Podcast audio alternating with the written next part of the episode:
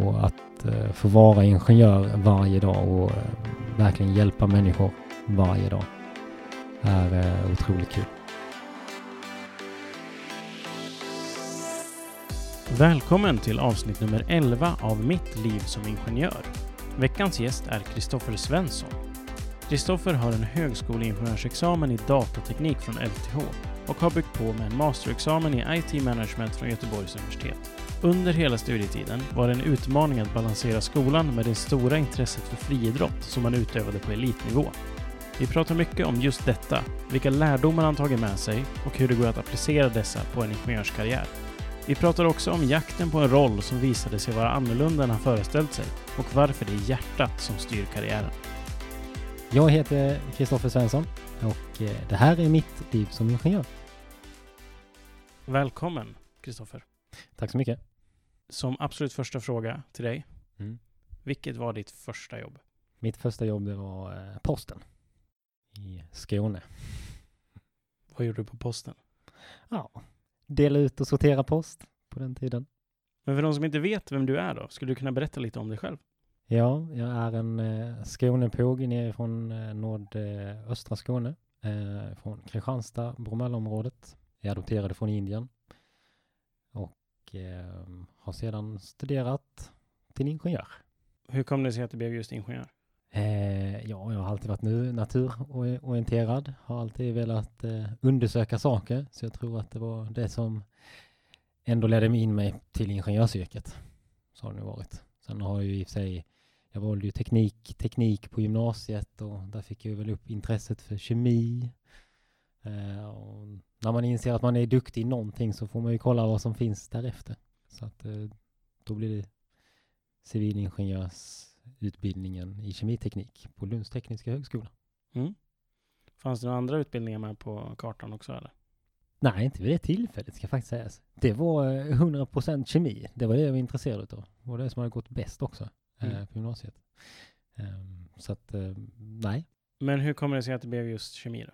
Eh, kemi, ja alltså hur kommer det sig? Det, det som kom var väl att eh, på både på högstadiet och på gymnasiet så hände det ju lite saker när man eh, blandade olika vätskor med varandra och, och eh, då eh, var ju det väldigt spännande och kul. Och när man insåg hur man kunde beräkna på det och räkna på det eh, då uppstod ju någonting, då uppstod en förståelse.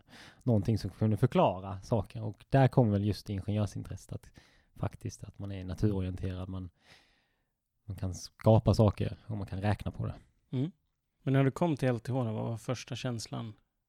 Eh, första känslan var nog eh, mer, oj vad stort det var. eh, har jag valt rätt utbildning? Och är det det här jag faktiskt vill göra? Höll den känslan i sig? Ja, det gjorde den faktiskt. Första, första halvåret så eh, var det väldigt, det var väldigt tufft för mig. Eh, kemi är ju en sak på gymnasiet, men kemi på universitetet var en helt annan. Eh, eller på Lunds tekniska, en helt annan sak. Helt enkelt. Det var inte det där som sprutar och smäller och, och får lite rök. Det är snarare att beräkna hur man sanerar en sjö. eller liknande. Och det var väl där mitt intresse kanske försvann lite i den vevan, tror jag, just för kemi. Ja. Vilken var den värsta kursen du läste? Just under kemin? Ja, men vi kan ta det. Ja, men då var det nog, värsta kursen var nog eh, faktiskt eh, matematiken, i att jag har alltid haft problem med matematik. Eh, och eh, det är en sak att räkna på kemi, för då var det så logiskt. Men så fort man inte hade kemin att luta sig på så blev det så komplext för mig. Så eh, för mig så var det liksom inga konstigheter med neutroner, protoner och, och atomer och etc. och räkna på det. Eh, men just när det kom bara till liksom X, Y och Z, då mm. blev det lite svårare för mig. Men om vi kollar lite kronologiskt då på, på utbildningen. Om vi, mm. om vi börjar från första dagen på LTH. Hur eh, såg det ut framåt där?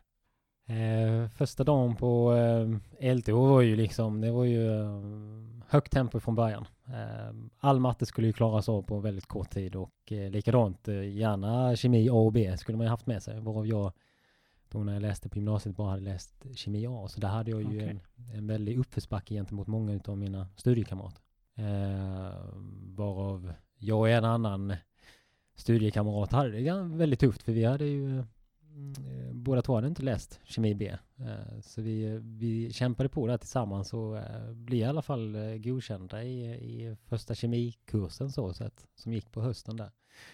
Eh, och matematiken förstod jag inte så jättemycket utav. Jag hade väl inte den bästa professorn heller eh, i eh, matte på det sättet att kunna lära ut pedagogiskt. Det var snarare så att han var väldigt skarp själv. Mm. Eh, och eh, där fick jag det väldigt tufft. Eh, I samma veva som jag började i Lund så första tiden bodde jag i Lund men sen eh, valde jag att flytta upp till Helsingborg på grund eh, idrott. Och började då pendla ner till Lund. Och då var det väldigt eh, sena kvällar i Lund för man hade ju labbar efter eh, Mm. vanlig eh, skoltid om man säger så, eller studietid efter klockan fem. Och då blir det problem med idrotten. Så någonstans där så eh, en kväll eh, i november så tog det stopp för mig. Eh, jag hade, mm, inte att ingenjörsutbildning kräver ju ändå sina 40 timmar i veckan. Man behöver lägga ner tid på sina studier och, och jag var ju ändå elitidrottare inom friidrott eh, och eh, ville väl satsa på det. Och eh, det gick ju inte riktigt ihop. Så eh, då eh, i november i, i lägenheten i Helsingborg så eh, brast det för mig. Jag var egentligen, gick in i väggen. Tårarna kom över kemiboken, det som jag ändå hade älskat och älskar. Ehm, och då ringde jag faktiskt hem till mina föräldrar och sa att det här går inte. Jag lägger ner den här utbildningen och så ja, så bor jag kvar i lägenheten i min studentlya då i Helsingborg. Och så får jag se hur jag ska mm, behålla CSN framåt. Eh, någonstans där på sena december, januari så eh, tog, eh, tog jag kontakt med eh, Campus Helsingborg eh, som är filial, till Lunds tekniska högskola. Eh, där jag faktiskt kom in på en utbildning i turism. Mhm. Så jag läste en kurs i, i turism. Det var ju ett program då den här kursen ingick i. Det var service management. Men jag läste den bara som fristående kurs. Mm. För att kunna behålla CSN. Och jag vet att hon som eh, höll i den kursen, hon tyckte att jag kunde lagt ner lite mer engagemang. eh, var jag bara tyckte att ja, ett godkänt räcker väl så fixar jag väl det. Eh, Men då fick jag också kontakt med studie och yrkesvägledare där. Eh, en som heter Ylva Oskarsson. Eh, som eh, blev väldigt intresserad utav eh, just min idrottskarriär och liksom jag ville binda ihop det med mina studier. Och hennes första spontana tanke och svar på, på min fråga om det gick var ja, men vi är lite mer flexibla här än i Lund. Såklart vi ska titta på ett upplägg som fungerar med eh, din friidrott. Eh, och så får vi ta det därifrån. Och vi kom överens om att jag skulle gå ner i procent, så jag började studera faktiskt datorteknikingenjör på Campus Helsingborg. Eh, och eh, läste nog på 75. Och naturligtvis så måste man ju då dryga ut sin studentkassa för att klara av eh, att bedriva eh, friidrott eh, och elitidrott. Så då började jag jobba samtidigt i butik. I en butik som fanns då som hette PC City ute på Väla i Helsingborg. Så det var så jag gjorde. Mm. Men det här med idrott då? Hur länge har du hållit på med det? Oj. Det har jag hållit på med ända sedan jag var sex år. Vil- vilken idrott är det du har varit mest aktiv i? Ja, det är framförallt friidrott. Eh, jag har varit eh, aktiv nu i 17 år eh, på elitnivå. Ehm, och dessförinnan så var det ju naturligtvis fotboll som alla, alla ungdomar gillar och upp till juniorallsvensk nivå för Mjällby AIF. Började min karriär där i IFK Bromölla då naturligtvis. Och sen hade jag en liten, liten stund i båttennisens tecken och under något år. Mm. Men under studietiden, när du hade fått din studieplan eh, i Helsingborg, att Mm. du skulle gå ner i tid och kunna hålla på med idrotten också. Ja. Hur balanserade du allting? Eh, men jag balanserade väl eh, mycket med att eh, jag hade ju förstående, eh, eh, vet det, förstående lärare eh, på utbildningen och sen även min kompiskrets visste om vad jag pysslade med och hur mycket tid min friidrott tog liksom. Eh, och jag tror att eh, för att balansera sin elitidrott och studier så krävs det ju egentligen eh, faktiskt väldigt mycket planering. Eh, man, man kan inte vara lika spontan eh, som, som man gärna skulle vilja. Alltså, ja, men, eh, kan du inte hänga på, på, på det? Nej, men har man träningar så har man träningar och brinner man för någonting så måste man också göra utrymme för det. Man, man prioriterar. Eh, och där eh, kan man väl säga att eh, det kan man väl både ångra men man kan också se att man har fått väldigt mycket med sig eh, ifrån elitidrotten. Mm. Så att, ja. Men sånt här, eh, sån här ideella engagemang då, som många studenter håller på med. Mm. Hade du tid för sånt också? Nej, det vet jag inte riktigt om jag hade tid, men det hade jag ju naturligtvis inte. Men eh, det var vid ett tillfälle i, i, i Helsingborg där eh, faktiskt en, en, en tränare i, i min klubb eh, helt plötsligt hade anmält mig till eh, Friidrottsförbundets ungdomsråd. Mm. Eh, och det var ju ideellt engagemang. Men han tyckte att jag passade in där och att jag var rätt profil för det. Eh, jag tänkte, ja men det här är väl kul. Det kan jag väl också testa på någonstans där mitt i allt annat. Eh, så där började väl egentligen mitt eh, ideella engagemang. Så jag Mm. tror att, eh, så här i efterhand så tror jag att det är definitivt bra att engagera sig i något. Eh, och definitivt att eh, erbjuda sin kompetens som kan gagna andra. Är det någonting som du ägnar dig åt mycket fortfarande? Ja, det är det. Jag, eh, ibland kan jag nästan bli trött på mig själv. Eh, just i den eh, frågan att jag, jag gör väldigt mycket och engagerar mig väldigt mycket och ger väldigt mycket. Eh, men jag tror också att eh, man får väldigt mycket tillbaka eh, i form av eh, glädje och skratt och en high five här och där. Ehm, och framförallt när man väl lyckas och hjälpa till att utveckla. Mm. Mm. Men den studieplanen du hade, följde Mm. du den till punkt och pricka? Eller hamnade du efter någon gång? Ja, det är klart att jag hamnade efter. Men faktiskt, ska jag vara helt ärlig, så höll jag nog mig väldigt bra till den studieplanen. Ja, det var en kurs och den kan man väl säga, det var nog den tuffaste kursen jag har haft. Eh, och då vill jag säga att det var inte, det var inte bara matematiken jag hade problem med. Nej, ska säga, när jag valde att läsa till datorteknikingenjör, mina föräldrar var ganska nöjda med mitt gymnasium, att jag hade tagit mig igenom det, för jag hade ju problem med matematiken. Ja, och sen var de väl lite oroliga då för kemiteknik och undrade hur det skulle gå. Så det gick ju inte. Det var ju ett bevis. Eh, men någonstans så fanns det väl en jävel i mig som sa att ja men det här med ingenjör, det ska jag bli. Eh, och så när jag ringde hem och berättade att jag hade kommit in på, på ingenjörsutbildningen så sa mamma så här, ja ja, får vi se hur länge du klarar av det då. eh, och nat- naturligtvis, det där med att motbevisa allt och alla har väl legat mig varmt om hjärtat. Ja. Eh, så att eh, eh, när jag väl kom in, kom in då så var det ju en kurs som hette eh, datastrukturer. Mhm. Ja, det är, man ska ju gå igenom och räkna på datastrukturer och allting upphöjt till ord utav en och logaritmskalor etc. Jag skrev den fyra gånger. Till slut tyckte även läraren och examinatorn att ja, ja, den här fjärde gången ska du i alla fall lyckas. Ja, och sen så när jag väl lyckades så sa han bra, nu slipper jag se dig fler gånger på den här tentan. Så att ja. Sitter det innehållet fortfarande om du skrivit den fyra gånger? Ja, i alla fall eh, tankarna kring den ska vi säga. Det sitter där, men jag tror inte att jag skulle fixa det idag, nej. Nej. det behöver jag nog läsa på. När du pluggade, hur mycket tänkte du på betygen? Eh, det började precis eh, väldigt hårt. ska börja. Vad skulle man ha? Man skulle ha toppenbetyg. Eh, det hade man ju haft i gymnasiet. Eh, mer eller mindre i alla fall. Men någonstans där i så fick man ju, eh, när du är elitidrottare och, och samtidigt ska studera en ingenjörsutbildning och någonstans där så måste du ju landa någonstans i någon medel, medelväg. Eh, vad vill du faktiskt bli bra i? Och vad lägger du mer fokus? Eh, och jag valde friidrotten, eh, att lägga mer fokus där. Eh, jag ville bli så bra i min friidrott så att och sen samtidigt så eh, hittade jag en nivå på min, på min eh, utbildning eh, att kunna liksom, ja men jag kan tänka mig att bli godkänd. Det var inte det optimala, men att få liksom eh, mittenvägen. Kanske inte vara den som får de här eh, toppenbetygen, men en medelväg helt enkelt även där. Eh, och det ska vi sägas när det var väldigt tufft och, och så, så ja, då fick det bli ett godkänt. Mm.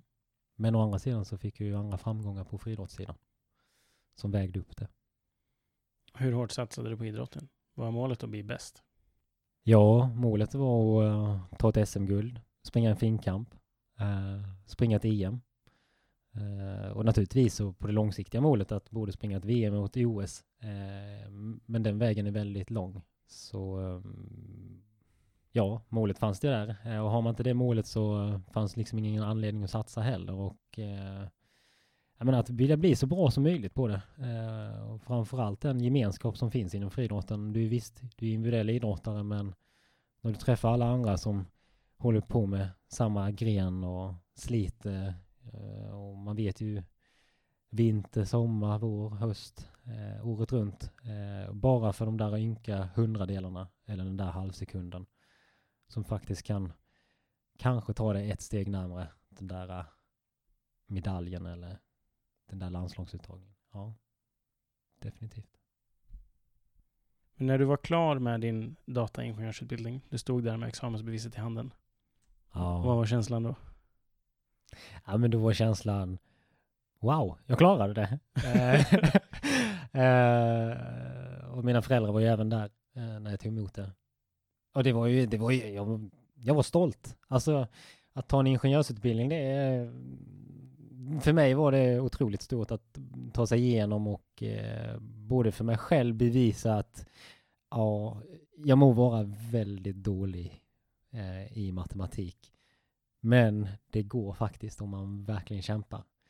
Eh, och jag har ju i och för sig eh, någon att tacka det för och det är ju framförallt eh, min pappa som lärde mig väldigt mycket matematik när jag var yngre och sen framförallt Tanja på, på ingenjörsutbildningen som någonstans förklara det, matematiska för mig på ett annorlunda sätt. Eh, där hon helt enkelt visade genvägarna hur man skulle tänka kring just eh, matematiken och den förbaskade enhetscirkeln som vi alla känner till. Men när du var klar, visste du vad du skulle göra? Ja, när du går en eh, datateknik ingenjörsutbildning så visste man ju att man skulle bli systemutvecklare och programmerare. Det var väl liksom, det var den vägen. Och det blev det också? Och det blev det också. Jag började på ett litet bolag. Eh, ska sägas det här var mitt i IT-krisen eh, 09 när jag blev färdig. Ska säga så att det var många jobb som försvann där runt millenniumskiftet också. Eh, så att man var väl eh, väldigt glad om man fick en plats att göra sin, eh, sitt eh, examensarbete. Mm. Eh, var jag fick plats på ett litet bolag som hette Spinter på den tiden. Som var ett en, entreprenörsdrivet bolag med kan ha varit en 15 stycken personer som drev, eh, drev runt det. Eh, jag började först att jobba för dem eh, nere i Malmö. Eh, bodde kvar i Helsingborg naturligtvis, pendlade där. Och sen så eh, låg de faktiskt ner, så de skulle flytta all utveckling och alla konsulter och sådär. Och då frågade de mig där precis, ja men eh, vill du, eh, vill du ha fortsatt jobb? Så sa jag, ja självklart. Ja men då får du nog eh, börja pendla till Göteborg istället. så jag började pendla där mellan Göteborg och Helsingborg bodde i en eh, lägenhet, övernattningslägenhet som faktiskt bolaget hade i Göteborg eh, för sina Stockholmskonsulter då. Eh, så där bodde jag på en tältsäng i veckorna och sen pendlade jag hem på helgerna och kollade till lägenheten. Så att eh, inget glamoröst liv för att vara ingenjör och nybakad då komma ut. Um, och det första jag faktiskt började göra på det jobbet, kan man tro det eller ej, det var inte att börja koda. Det var faktiskt att brygga kaffe. Så man kan ju fundera lite sådär. Ja, en ingenjörsutbildning. Ja, bygga kaffe. Men det var liksom, eh, jag fick det ganska snabbt för mig att det var vägen in. Att eh, du, är, du är junior, eh, då får man börja längst ner i botten. Eh, men sen gick det ganska snabbt till att ta över en, eh, bli systemutvecklare och eh, supportingenjör. Så eh, jag var på det bolaget i fyra år eh, och jobbade med allt mellan himmel och jord. Egentligen så handlar det mycket om att automatisera åtkommande IT-processer då. Eh, framförallt för liksom IT-avdelningen. Hur man lägger upp nya användare i ett AD till att, till att blåsa om en dator. Att eh, egentligen plugga in och slå på en MDT, alltså Microsoft Deployment Toolkit, för att egentligen blåsa om en hel dator från grunden. Ehm, så det var ju sådant jag pysslade med. Eh, sen hjälpte jag konsulter runt om i Norden. Eh, norska, danska, finska konsulter som installerade då våra, våra programvaror Mm. hos olika bolag. Mm. Ehm, mm.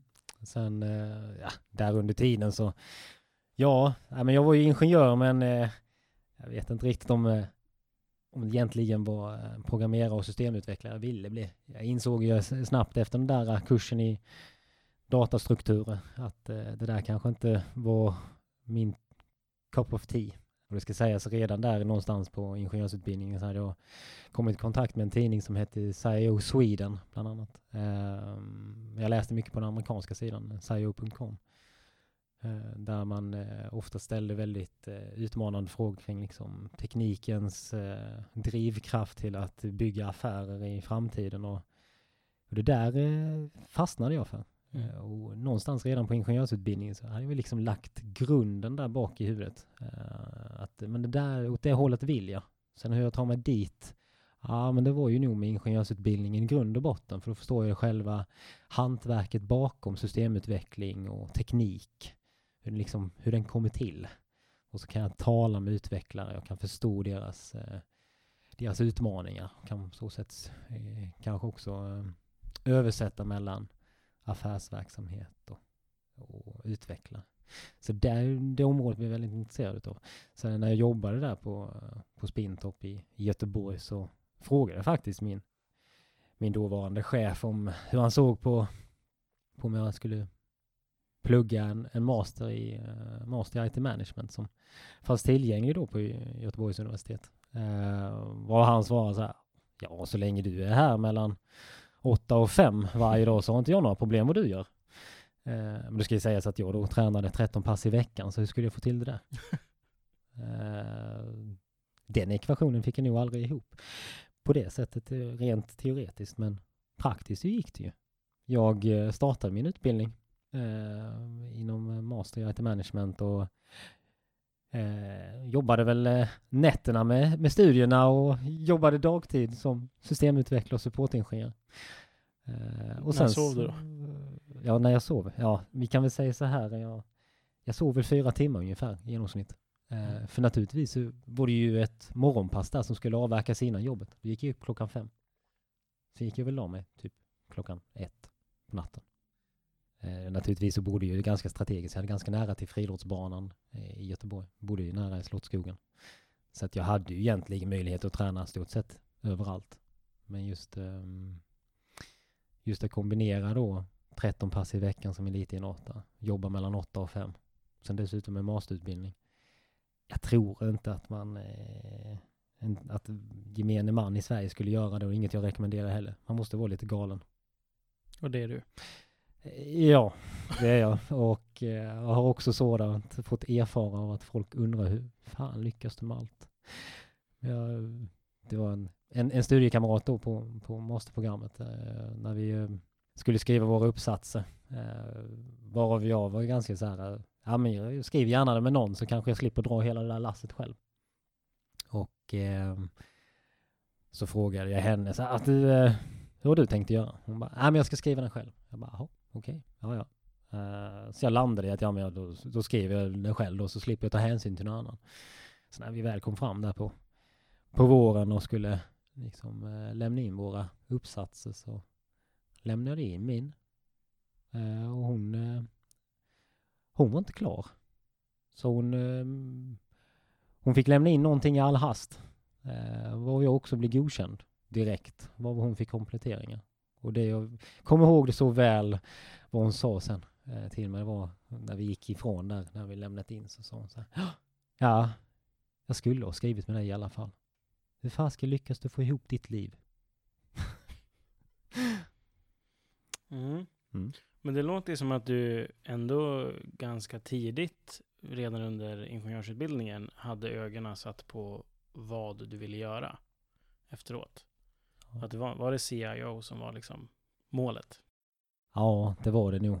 Det var nog i alla fall att få, eh, få använda min kunskap till att, eh, till att utveckla liksom organisationer och, och verksamheter. Mm. eh, med hjälp av tekniken. Och egentligen det här um, människa och teknik. Den, det intresset eh, har jag. Eh, och då kan man ju lätt, om man är ingenjör, tänka så här, ja, men då borde vi pysslat med så här UX och sånt där. Men nej, inte på det sättet. Det är snarare liksom om du, hur du använder tekniken för att skapa möjligheter. Det är Mm. det jag är intresserad av. Eh, men ingenjörsutbildningen har ju gett egentligen all grundförståelse för um, jag har den nog med mig varje dag i allt jag gör. Jag, idag så talar med systemutvecklare och vi talar algoritmer, vi talar liksom alla dessa olika saker och, och framförallt all ny teknologi som dyker upp. Eh, och eh, kan man faktiskt eh, programmera som man lär sig på, på ingenjörsutbildningen så eh, kan man faktiskt vad som helst idag. Eh, och dessutom så får man ju med sig ett mindset som gör att ja men det där är inte så svårt. Ge mig bara lite tid att sätta mig in. Eh, och den tror jag är speciell för ingenjörer. Mm. Men när, när du då hade listat ut vad du i alla fall trodde att du ville göra, Mm. slutade du leta då? Nej, sluta leta det gör jag aldrig. Eh, att bara hitta ett område och veta att det är dit man ska, eller i alla fall, jag tror att det är målsättningen framför allt. När jag hittade det området på ingenjörsutbildningen, att men det, det där tycker jag är intressant. Eh, och eh, liksom med min idrottsliga bakgrund, det där med att sätta upp långsiktiga mål och sen hur man tar sig dit, det är ju det som är det intressanta. Och alla vägar är ju olika för olika individer, för vi är ju så olika. Och i min idrottsliga bakgrund så är det ju så här, men du sätter upp ett mål att du ska, ja men du ska vara på, du ska vara på ett SM och du ska ta um, en medalj på ett SM. Ja men okej, om det är målet så får du sätta upp det och sen så får du ju ha rimliga krav då. Vad står jag idag och sen så, vad behöver du göra varje dag för att ta dig närmare det målet? Och för min del så, redan på ingenjörsutbildningen var det, ja men jag ska ju ta den där ingenjörsexamen det är ingen slump att jag gick ifrån kemiteknik, eh, som, där var civilingenjörsutbildning, till en högskoleingenjörsutbildning i datateknik. Det var ju fortfarande ingenjör. Mm. Jag ville ju ändå nå det där målet. Och då sätta upp det och bryta ner, hur tar jag mig dit då? Och eh, jobba hårt för det. Och med det då att eh, kanske landa i en, i en roll mellan ekonomi och IT. Eh, det var ju liksom, ja men det där jag tycker är kul. Hur tar jag mig dit då? Hur ska jag göra det? Och då var det ju framförallt, ja men bygg nu plattformen. Ehm, bygg förståelsen eh, kring liksom vad är ingenjörsyrket och vad är liksom programmering och systemutveckling. Vad gör man egentligen? Hur, hur skapar man IT ifrån grunden? Hur, hur, får du liksom manuella processer att, att stödjas med hjälp av teknik? Ja men du kan ju utveckla system eller webbsajter som gör olika saker som underlättar det dagliga arbetet. Och med den kunskapen eh, har ju varit ovärderlig i mina eh, kommande jobb efter, att, eh, efter, um, efter Spintopp. Mm. Vad var det för kommande jobb då? Eh, det var ju faktiskt eh, efter jag hade läst klart då IT management och eh, hade jobbat där i fyra år på, på, på Spintopp då. Så ehm, jobben fanns ju här uppe i Stockholmstrakten eh, och eh, då sökte jag mig upp, ehm, skrev ett, eh, ett, ett personligt brev som, eh, som var faktiskt väldigt bra för jag sökte ett jobb på SOS Barnbyar. Och själv är jag adopterad så att jag lyckades gå igenom bruset där av alla ansökningar eh, som IT-ansvarig för SOS Barnbyar. Eh, var rekryteraren sa jag måste bara träffa dig. När jag väl hade träffat, träffat henne så sa hon men du är ju som klippt och skuren för den här rollen. Nu ska vi bara sälja in dig. Eh, och det dröjde inte länge förrän jag faktiskt hade jobbet. Eh, så jag kom till SOS Barnbyar. Eh, egentligen eh, så var det en organisation utan eh, någon eh, IT-styrning eh, överhuvudtaget. Och eh, där är man också glad att man är ingenjör. Någonstans snabb uppfattningsförmåga, eh, kunna ta tag i saker eh, och eh, liksom eh, framförallt eh, det här med att eh, man är strukturerad. Eh, för det måste man ju vara när man läser på en ingenjörsutbildning, man måste vara strukturerad. Och det hade man fått med sig. Hur, hur fungerar saker och ting? Eh, när man har satt sig in i det så var det bara till att börja bygga upp en IT igen så att det fungerar. Och ett av mina största och första uppdrag där var ju framförallt att flytta ett helt kontor. Jag har aldrig flyttat ett kontor, jag vet inte hur man gör. Uh, och jag tror inte att det är så jäkla lätt. Om du aldrig har byggt, uh, byggt ett hus så vet du inte. Och, uh, men någonstans där så var det väl bara att hugga tag i de IT-leverantörer man hade och sen så åka och kika på lokaler. Vad ska serverrummet vara? Hur drar jag ledningarna för att det här ska börja fungera? Så egentligen hands-on från första dagen. så inte så mycket teori. Men det var så jag hamnade i alla fall i Stockholm och um, och där var egentligen starten just kanske på att landa mellan IT och verksamhet om jag säger så. Mm. Uh, och det var ju liksom, det var ju ändå steget för att om man ändå läst sin ingenjörsutbildning och sen också byggt på med någon annan. Och det ska också sägas, som jag glömt att nämna, är, är att, uh, att min kompis uh, då när jag pluggade nere i, i Lund, han, han pluggade ju då miljövetenskap och då, då blev han ju, han, han pluggade i fem år. Och för mig var det ju så här, vi var barndomskamrater och jag kunde ju inte vara sämre. Kan jag inte bara plugga tre år? Så det var där också. Eh, sen så eh, när jag hade pluggat klart på ingenjörsutbildningen så var man ju berättigad till en plats eh, nere i Lund på civilingenjörsutbildningen. Eh, och jag tyckte att det var så här, men det läser ju alla. Alla läser ju den där. Jag blir inte unik. Och då, och då var väl då jag så här, ja men då när jag hade varit uppe i Göteborg ett tag och ville bli den där unika personen. Så jag, jag ville hitta något annat. Så det var liksom sticka ut hakan lite grann. Mm. Alla läser ju civilingenjör. Ja, men då är du ju lik alla andra. Hur ska du slå dig in på arbetsmarknaden? Vad är ditt, din USP? Unika selling point. Eh, liksom. och, då, um, och då när jag kom till SOS Barnbyar och liksom har hela den grunden med mig så, så egentligen så kunde jag sköta en hel IT-miljö. Från grunden till toppen. Från liksom hands-on till det strategiska. Och det var ju dit jag ville. Så när jag väl har landat i den rollen så, och dessutom för en väldigt bra sak. Att, att jobba med det man tycker är kul. Uh, ja, det är A och O, ska jag säga. Och att uh, få vara ingenjör varje dag och uh, verkligen hjälpa människor varje dag är uh, otroligt kul. För det är egentligen vad vi ingenjörer gör. Vi kommer på nya saker som underlättar vardagen för andra människor. Mm.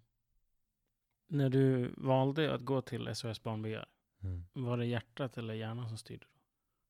Det var helt enkelt hjärtat.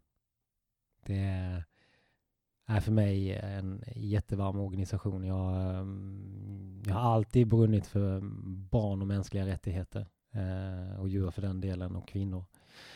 Eh, men brukar klara sig det oftast lite bättre. Vet inte varför. Men ehm, eh, just det där, eh, jag tror det har mycket med min, min bakgrund att jag själv adopterad men eh, någonstans att bara få det där eh, leendet tillbaka. Jag var ute och reste för SOS Barnbyar också räkning och Alltså någonstans, jag gör ett jobb i skymundan. Jag är, jobbar med IT, det ligger längst bak. Det är inte prioriterat i, i, i organisationen naturligtvis och ska inte vara.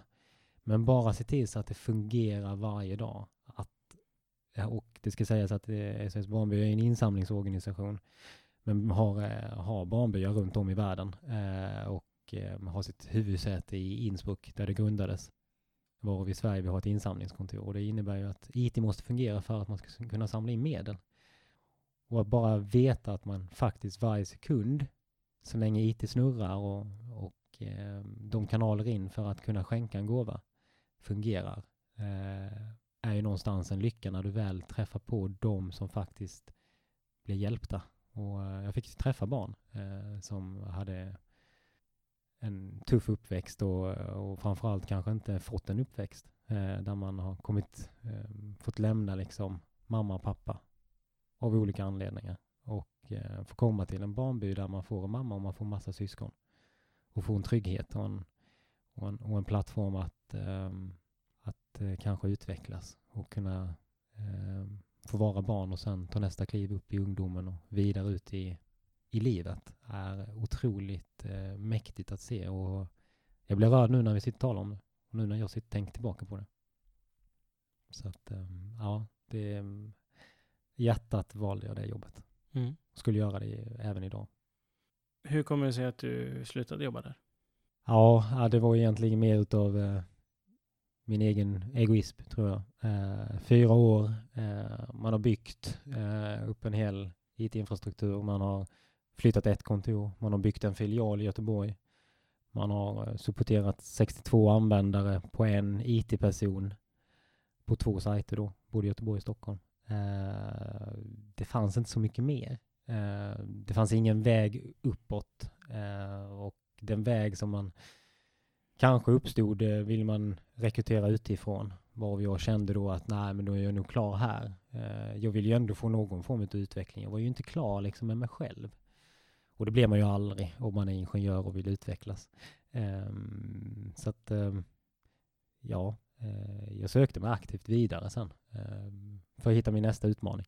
Och någonstans så, ska sägas under de där eh, åren på SS Barnby så sprang jag faktiskt på en ingenjör.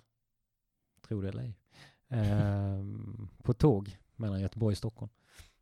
Där jag helt enkelt frågade honom sådär. Ja, du det där med att vara ingenjör. Eh, hur, hur, ser du på karriär? Och så sa vad han svarade.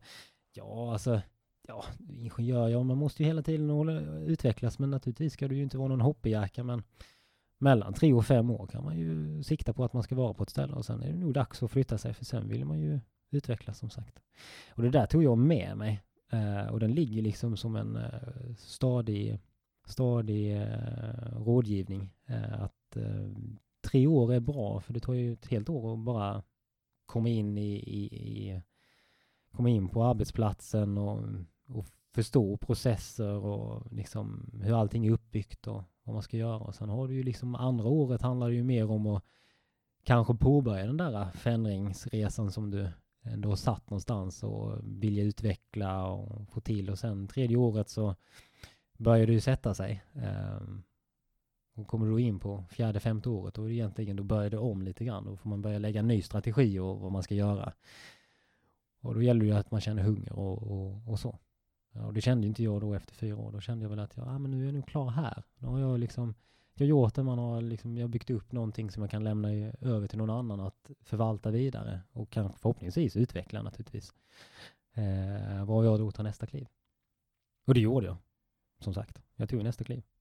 Eh, hade ju under tiden här i, i Stockholm eh, skapat mig ett nätverk utav rekryterare då när jag sökte jobb uppe i Stockholm så hade jag sprungit på en hel del utav de där personerna eh, som jobbar i rekryteringsbranschen. Eh, och det var väl egentligen jag som sökte en hel del jobb. Ehm, framförallt så var det ju att ta nästa kliv att eh, kanske gå ifrån IT-ansvarig till att bli teamledare för en IT-avdelning eller liknande. Ehm, gruppchef, IT-chef, ja, you name it. Det finns många olika titlar. I stort sett så innehåller de samma. Um, och naturligtvis, det är ju storleken på vad man ska ansvara för.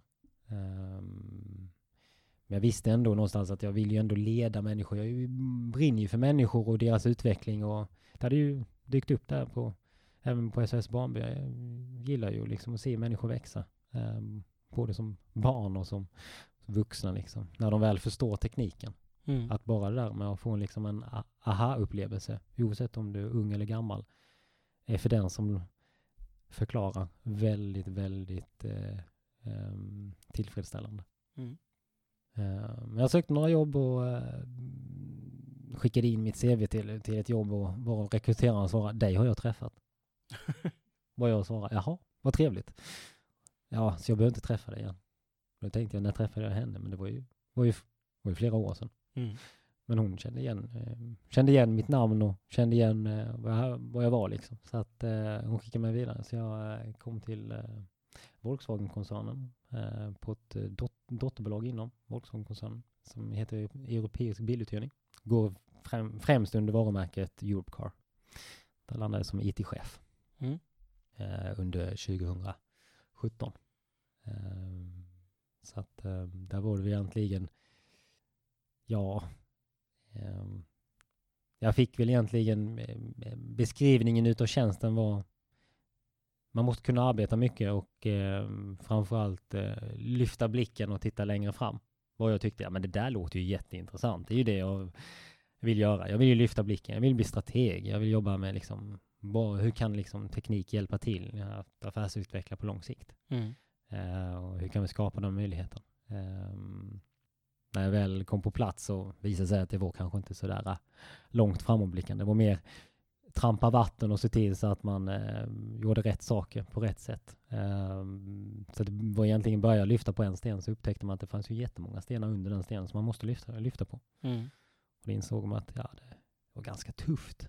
Eh, bolaget hade ju inte eh, mått så bra under en längre tid. Vad man då kan säga att det var, fanns väl avtal som kanske inte täckte det de skulle täcka. Så att det var väl där det började. Så att eh, någonstans gå in och vända bolaget och, och liksom sanera IT och då, eh, och den eh, det hade jag ju med mig ändå ifrån SOS Barnby, där med att gå in och styra upp och rätta till processer, hur arbetar man och så. Um, så det gjorde jag där.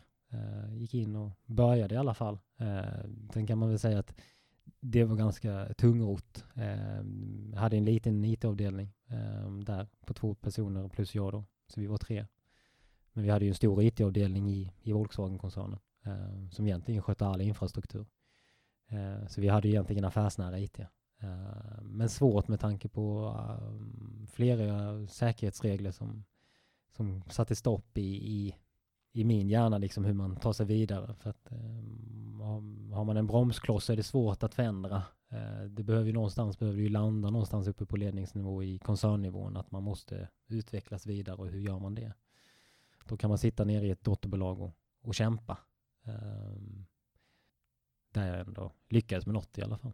Jag rullade ut uh, ett internt chattverktyg på bolaget. Lite sådär under radarn. Men det gick bra. Det var ju väldigt välkommet. Helt plötsligt så fick vi ju kontakt med alla våra uthyrningsstationer på ett helt annorlunda sätt än vad man har haft tidigare. Innan mm. har ju allting gått mejlledes eller över telefon. Helt plötsligt kan man ju snabbt lägga en fråga till stationen bredvid om man var själv på en uthyrningsstation. Mm. Och kunde då få reda på om det fanns en bil ledig väldigt snabba puckar och eh, det tror jag är liksom det som man ändå ville se och eh, komma framåt. Men eh, bara att komma dit krävs ju otroligt mycket jobb. Jag vet, jag tror jag hade varit två dagar på, på jobbet som jag fick ifrån vdn där. Uh, kan inte du göra en review på hela vårt affärssystem? och då, då, in, då tänkte man så här, jag är ingenjör, men jag vet inte om jag är en granskare. Uh, det var en, jobbigt men kul. Mm. Så ska jag säga. Ja. Men om man läser på din LinkedIn så står det att din tjänst var CIO. Och det var väl lite det du ville bli eh, sen långt innan. Blev det ett uppvaknande för dig? Eller var tjänsten som du hade förväntat dig när du läste om det i den här tidningen? Nej, det var nog ett eh, uppvaknande. Eh, det var klart. Tjänsten var väl inte alls så som jag tänkte mig. Eh, tänkte jag att jag skulle jobba mycket mer strategiskt. Och det, var ju, och det var ju det jag valde det där jobbet på. Det var ju det de utlovade när jag väl kom på, eh, kom på intervjun. Så där, ja men titta längre fram, strategi. Eh, för mig så var ju CIO någon som verkligen tittar längre fram. Vad kan vi göra? Hur kan vi få ihop det här?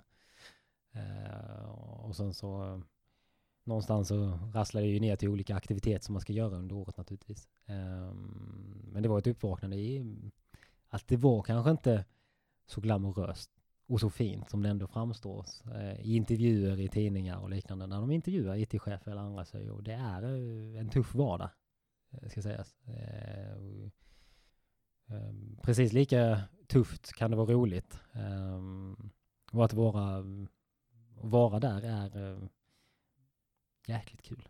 Intressant, inspirerande. Mm. Och du var kvar där en bit in på 2018. Ja, stämmer. Och nu sitter vi här i juni 2018. Ja. Vad gör du nu? Nu jobbar jag som eh, digital utvecklingschef här på eh, Riksidrottsförbundet. Men om man kollar rent praktiskt vad du gör här idag då? Om mm. man tar ett day in the life, vad händer då? Ja, det som händer är att eh, morgonen eh, vaknar av att klockan ringer vid, ja, den ringer vid sju Eh, om jag inte har varit uppe och sprungit tidigare förstås. Då börjar jag kolla mejlen. Eh, naturligtvis så finns det alltid någonting man kan svara på på mejlen. Det finns ju mängder med saker. Så där börjar ju egentligen min jobb då. Eh, börjar gå igenom eh, mejlen, eh, gå igenom de chattar som har gått i, i Microsoft Teams som vi använder här eh, som internt chattverktyg på avdelningen. Eh, och sen så eh, är det steg upp. Eh, gå och käka frukost, eh, läsa senaste nyheterna på, på nätet, vad som har hänt. Eh, allt ifrån eh, MSB, sat.se till, eh, till IDG, till eh, The Verge eh, och etc. som har hänt ute i teknikvärlden. Eller Sport, Sport Techi, Techi heter den, en sajt som handlar bara om eh, teknik i idrottsvärlden. Mhm. Så egentligen en en allmän och sen så tittar jag på nyheterna, eh, få eh, vad som har hänt, eh, vad, vad händer på, på börserna runt om. Um, egentligen skapar mig en så bra bild utav läget som möjligt varje dag. Uh, och sen är det bara byta om och sätta sig på cykeln. Cykla kon- till kontoret. Um, springa in i, i det första mötet som börjar på morgonen som är oftast eh, någon form av en eh, halvtimmes möte eh, där man går igenom eh, items i eh, vår eh, Team Foundation server för er som kan utveckling. Um, så handlar det om egentligen vad vi ska utveckla. Uh, har vi några problem, diskussioner. Uh, och sen så Uh, sen är det egentligen fullt med möten. Och det är väl egentligen baksidan med den tjänst man har eller man har hamnat uppe i. Det kan vara nog så glamoröst att kanske söka en sådan tjänst. Fast ibland så skulle man bara vilja vara specialist och slippa sitta i alla dessa möten. För det skapar ju bara dubbelt så mycket jobb. Tänk att kunna gå hem klockan fyra och kanske alternativt gå ut och ta en, ta en öl med, med kompisarna. Nej, så är det inte riktigt längre. Man, eh, man jobbar otroligt mycket mer eh, och eh, får oftast sitta kvar. Så även om du har börjat jobba tidigt så sitter du egentligen över, över tiden och är du då en, energisk eller väldigt ansvarsfull och sådär så försöker du ju ändå beta av och, och hålla dig flytande någonstans. För, Mm. eh, det är ju mycket mejl och mycket så mycket som ska hända samtidigt då. Men om det är kanske inte så roligt att sitta i möten hela dagarna, Nej. vad är det bästa med jobbet då? Ja, men det är just de här äh, mötena med äh, alla arbetskamrater, kollegor. Äh, just det här med att diskutera framåt, vad ska vi? Likadant som att diskutera individers utveckling. Eh, för jag är ju ändå ledare. Eh, jag gillar inte ordet chef. Jag gillar ledarskapet. Att, le att leda människor att utvecklas är för mig underbart. Jag tycker det är kul. Samtidigt som det finns tråkiga sidor utav det, men är man en bra ledare så, och så, och det kan inte jag svara på om jag är en bra ledare, men jag menar, ja, ehm, jag tror ändå att mina medarbetare på min avdelning tycker att jag är hyfsad i alla fall. Mm. Ehm, och jag tror att det är det roliga. Att egentligen någonstans se dem utvecklas och samtidigt utveckla organisationen och verksamheten. Att vi bidrar varje dag. Mm. Om man försöker dra paralleller mellan ditt eh, idrottande och din karriär, finns det några lärdomar som går att applicera på båda? Hmm. Ja, det var en väldigt bra fråga. Jag tror att i alla fall ena hållet eh, tror jag är eh, just det här med, med målsättning och att eh, liksom någonstans eh, inte stressa tror jag är eh, A och O, liksom att man vet att eh, man måste göra jobbet varje dag. Eh, och det är ju så att om du gör jobbet idag så kanske inte resultaten kommer idag. De kanske kommer långt senare. Det tror jag har fått med mig väldigt mycket från idrotten in i, i arbetslivet. Um, Sen ifrån arbetslivet in i idrotten tror jag haft eh, snarare det här att eh, ja, den var ju, ju mycket, mycket svårare eh, att svara på. Ehm, jag tror att eh, det är framförallt eh, att ta människor. Eh, den tror jag har fått med mig väldigt mycket ifrån arbetslivet. Att eh, friidrotten så är det där vi liksom likadana allihopa. Eh, vi, vi, vi har ett mål och vi, vi ska någonstans men någonstans där så missar man ju faktiskt att man kan också ha kul ihop på ett sätt som kanske inte just har med idrotten att göra. Och det tror jag att jag har fått med mig väldigt mycket ifrån från arbetslivet då när jag eh, liksom tränar på absoluta elitnivån. Att liksom kunna skämta och egentligen skoja och ta med mig den där jargongen in in i, i allvaret i friidrotten. När du är på den nivån. Friidrott är väldigt kul och det ska inte sägas att det är bara allvar där. Men, men när du når till en viss nivå eller vill till en viss nivå, då krävs det ju ändå att du går in för det.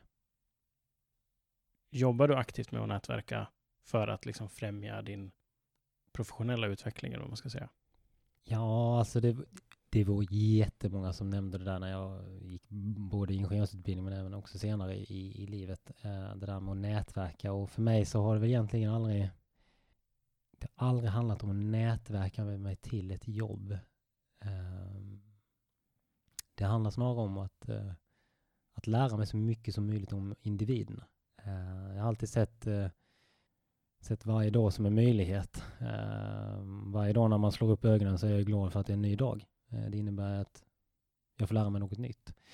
Och att springa på människor är nog den största berikande upplevelsen. För att bara sätta sig ner och lyssna på vem det än må vara. Så lär du dig någonting. Ehm, och där tror jag att i mig själv så har jag aldrig funderat över nätverkande. Ehm, men däremot så har jag nog fått det med mig naturligt att jag nätverkar och tycker det är kul. Uh, naturligtvis har det också bidragit uh, till att man eh, mm, får kanske nya möjligheter, definitivt.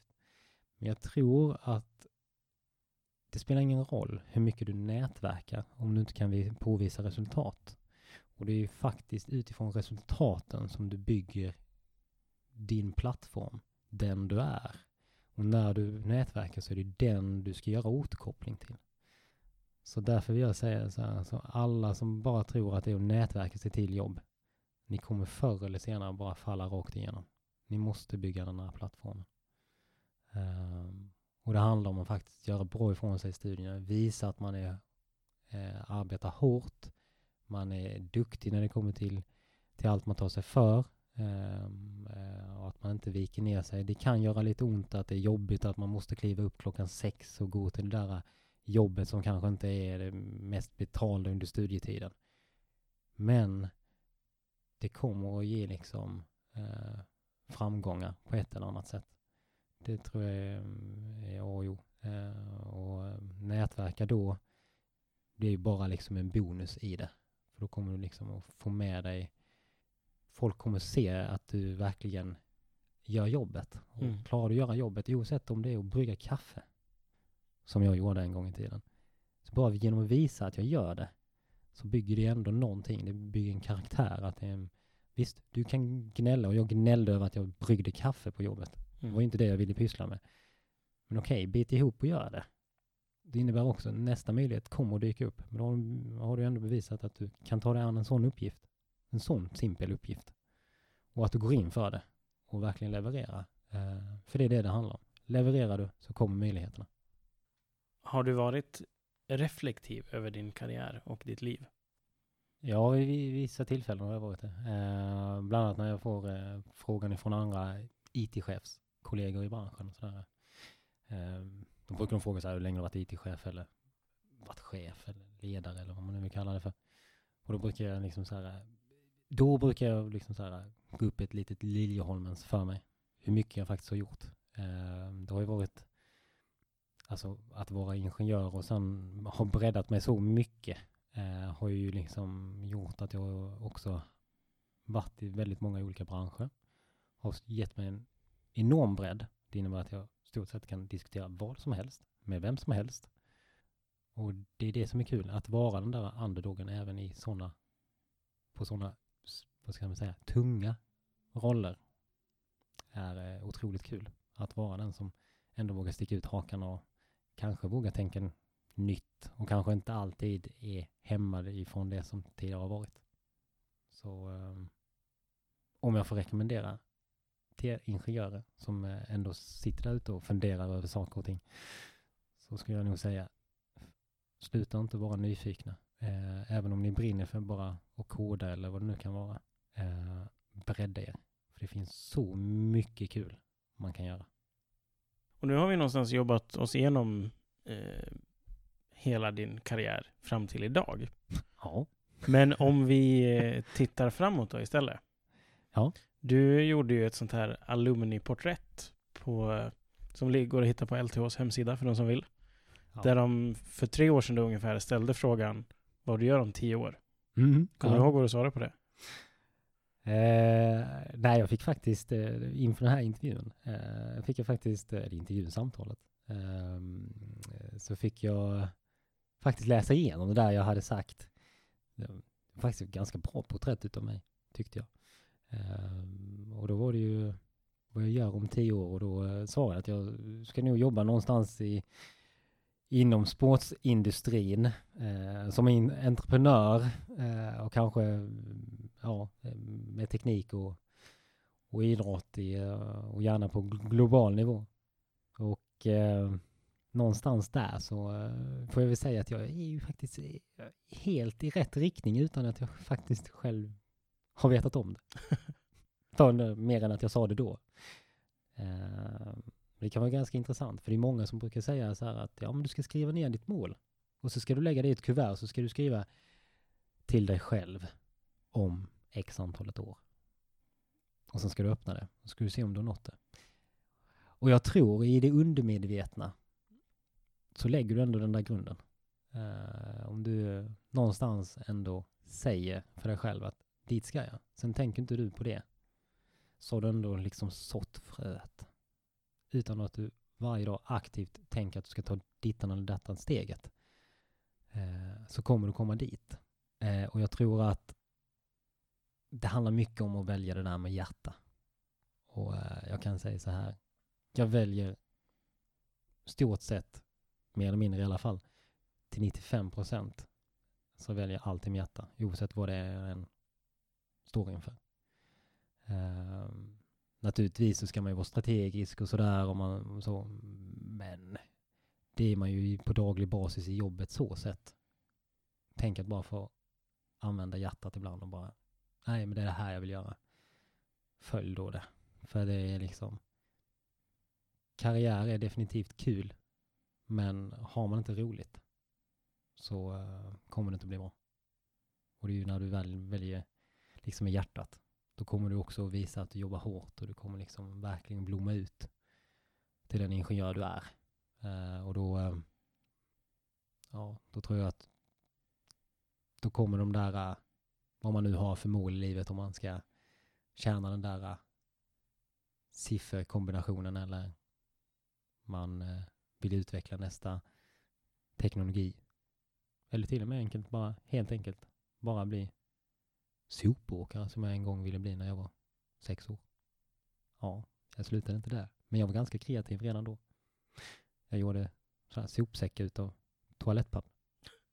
Sen byggde jag en uh, kamera, en videokamera i kartong. Också väldigt kreativt och bra. Mm. Men om man istället för att kolla i framtiden, om man kollar bakåt i tiden. Mm. Om, du, om du skulle få träffa dig själv som student med den kunskapen du har idag. Ja. Vad skulle du säga till dig själv då? Oj, vad ska jag säga? Om jag skulle träffa mig själv som student? Ja. Ja, då skulle jag nog... Eh, oh, då skulle jag nog ställa... Ja, jag skulle nog i alla fall råd, rådge mig själv skulle jag göra. Uh, och då skulle det nog vara faktiskt välj någonting du tycker om ifrån början och som du ändå någonstans eh, vet kommer att klara av. Uh, det skulle jag nog säga. Alltså att vara så uh, tjurskallig som jag har varit. Uh, uh, jag skulle aldrig göra om den resan kan jag säga. att, ja, lite roligt att säga att jag inte skulle göra om den resan, men jag menar, jag skulle nog välja ingenjörsutbildning, men jag tror inte jag skulle, jag kanske inte skulle kombinera det med, med, med jobb, elitidrott och studier. Det, det, det kan jag säga, det skulle jag inte göra om. Um, det är mycket jag har försakat för att lyckas göra det. Eh, och jag menar, det är jättekul att kanske nå eh, de där positionerna och kanske ta den där eh, MBAn eller den där masterutbildningen i, i toppbetyg. Men i slutändan så, för fasken, ha kul. Jag missade väldigt mycket av studietiden som, just det där med att ha kul med, med, med kompisarna. Uh, istället var det liksom, nej jag ska hem, jag ska springa. Och sen, uh, men sen å andra sidan fick jag ju med mig massa annat roligt från min friidrott. Uh, eh, jag har varit ute och rest jorden runt och, och uh, fått träna med de allra bästa i Sverige och, och i, i världen och i Europa. Jag menar, vad slår det? På ett sätt. Men ja. Mm. Ett koncept som du kanske har hört talas om som heter work-life balance ja. Är det någonting för dig? Ja, ja, nej, det personifierar väl inte mig om man tittar på min, om vi reflekterar bakåt i min karriär. Då har det väl inte varit. Men Okej. för det är ju ett eh, begrepp som egentligen är öppet för tolkning. Det betyder ju en sak för en person och en annan sak för en annan person. Vad Ja. betyder det för dig? Ja, ja men eh, för mig betyder det nog... Eh, eh, ja. hmm. så, så, så länge jag trivs med, med, med det jag gör, eh, då har jag nog en work-life balance. Men jag tror också att där jag får chans att eh, egentligen att få den frihet som finns. Det är nog det jag alltid har sökt efter. Att kanske få bestämma över vad jag vill göra för dagen och kunna vara flexibel i det. Eh, naturligtvis så måste man ju gå till jobbet och, och så. Och ibland behöver man vara fysiskt på plats och ibland får man sitta hemma eller någon annanstans i världen och jobba. Men att kunna välja, eh, det tror jag. Och likadant att då kunna vara fri att, att eh, resa och, och vara med vänner och, och familj. Eh, och kanske göra det där eh, Ibland så är det lite mer utav det ena vågskålen och ibland så är det det andra. Men just det här att faktiskt att nå den där friheten i både jobb och faktiskt privat. Det tror jag är min work-life balance. Och den har jag fått jobba på. Mitt bästa LTH-minne är? Mitt bästa LTH-minne är definitivt när jag cyklade och ramlade på Kullstensgatorna i Lund. Fråga mig inte i vilket tillstånd jag var i. Men det var fan mig kul. Vad får dig att gå till jobbet på morgonen? Att jag faktiskt gör skillnad för någon annan varje dag. Och det kan, kan egentligen betyda att jag springer på någon på tunnelbanan och säger hej. Men det kan också betyda att jag faktiskt har gjort någonting för idrottsrörelsen i Sverige. Definitivt. Om jag inte gjorde det jag gör idag så skulle jag... Då skulle jag ha blivit astronaut. Förklara en ingenjörsutbildning som en sport. Som en sport. Ja, då är det definitivt som ett, eh, som ett 800 meterslopp. Om vi nu ska dra det till det. Det är liksom, när du går ut och ställer dig på startlinjen så eh, eh, är du nervös. För du vet ju faktiskt inte eh, hur långt det är. Du vet ju bara det i siffror, men du vet inte hur det kommer kännas. Och eh, dessutom så finns det massa andra som också ska springa exakt samma sträcka. Och de vet du inte heller vilka det är. De bara tittar du på. Eh, när väl startskottet går så är det ett jävla tempo i början. Och det är det också på en ingenjörsutbildning. Det är ungefär i första 200 metrarna på ett 800 meterslopp. Det är liksom högt tempo ifrån början. Varav sedan faktiskt farten bedarrar. För då har du ju någonstans börjat att behärska vad det faktiskt är som komma skall. Du har lärt dig just studietekniken och du har eh, eh, bland annat också kanske lärt känna dina konkurrenter och helt plötsligt springer ni på samma bana. För på 800 så börjar man ju faktiskt första kurvan på enskilda banor. Så helt plötsligt har du fått kamrater runt dig. Men sen handlar det ju ändå om att kanske någonstans ta sig fram eh, i den där eh, buffliga terrängen eh, och eh, hitta till ditt eget spår på ingenjörsutbildningen och vad du brinner för och vad du kanske ska lägga lite mer krut på vilka kurser. Eh, för det kan ju hända så att du kanske brinner för programmering eller så brinner du för kanododiagram. Vem vet? Du kanske vill bli bäst på det. Ja, nu tror jag inte att någon vill bli bäst på det. då, Men, men i alla fall så eh, eh, när du väl kommer fram till klockringningen, ja, det här är ju någonstans i slutet på din ingenjörsutbildning så att eh, när väl klockan ringer så vet jag att fasken nu är det ju egentligen bara ett varv kvar. Det är ju bara det där sista jäkla året. Och det är smärtsamt för du är ju egentligen studietrött. Det enda du vill är bara skita i alltihop och gå hem. Och göra något annat. Men i alla fall så eh, fortsätter du av någon anledning. Du har ändå liksom lagt fyra år bakom dig.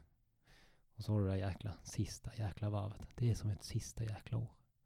Och um, när du väl kommer fram till de sista 200 metrarna. Då vet jag att det är jäkla uppsatsen eller det där examensarbetet som ska göras. Och uh, då handlar det ju egentligen om att bara plocka fram den sista jäkla unsen ur din kropp. Det som hjärnan kan framställa. Eh, för sen har du väl kommit till spurten, sista, säg, låt säg 100 meter.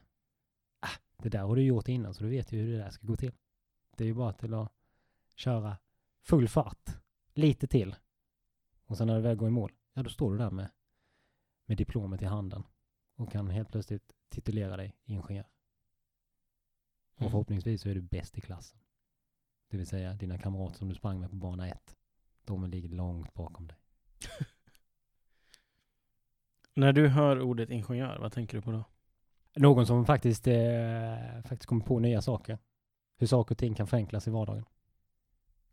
Om du skulle byta jobb med någon för en dag, vem skulle det vara och varför? ja, då skulle jag byta jobb med... Åh, vem har jag tänkt på på det här då? Det har jag ju kanske tänkt ofta. Ja, men grejen är det. Jag skulle faktiskt vilja byta jobb, och tro det eller ej. Jag skulle vilja byta jobb med en surfare. Jag skulle egentligen bara vilja sitta ute på ett, på ett öppet hav, sitta och guppa och hoppas på att nästa våg ska komma. Och kanske den gör det, eller så gör den inte det. Men att kanske ta möjligheterna när den väl dyker upp. Mm. Och bara njuta av livet. Det är vad jag skulle göra. Mm. En person jag ser upp till är Åh, den var svår. Det är många som jag ser upp till. Men eh, en person jag ser upp till, måste det vara i, eh, i yrkeslivet eller? Det kan vara vem som helst. Oj, vem som helst. Eh, ja, då skulle jag nog säga, jag har så många jag vill välja på. Men eh, ja, nu, nu, nu landar jag någonstans mellan IT-personer och mm, så här, presidenter och andra delar och sen så hamnar jag någonstans, tror jag faktiskt, att jag skulle, jag ser upp till Mahatma Gandhi. Någonstans att, att man ändå kan skapa så mycket energi i människor genom att faktiskt bara vara sig själv. Frihet eller trygghet? Oj, den var svår. Eh, jag skulle säga ehm, trygghet. Varför då? Mm, någonstans så vill du ändå ha en plats där du känner dig trygg. Och med trygghet kommer frihet. Om du skulle få ställa en fråga till nästa gäst utan att veta vem det är, vad skulle du vilja ställa för fråga då? Mm, då skulle jag nog vilja ställa en, en väldigt personlig fråga. Eh, och eh, min fråga till den personen är om du hade en maskot med dig under studietiden, vad hette den? Och vad var det? Mm. Och den absolut sista. Mitt bästa tips till dagens studenter är Att eh, bygga den där plattformen som du faktiskt kan påvisa att du faktiskt har gjort någonting. Tack för att du har lyssnat. Vad tyckte du om veckans avsnitt? Lämna gärna feedback via länken i beskrivningen eller på Facebook och Instagram. Jag uppskattar också väldigt mycket om du vill betygsätta och lämna en kommentar där du lyssnar på poddar.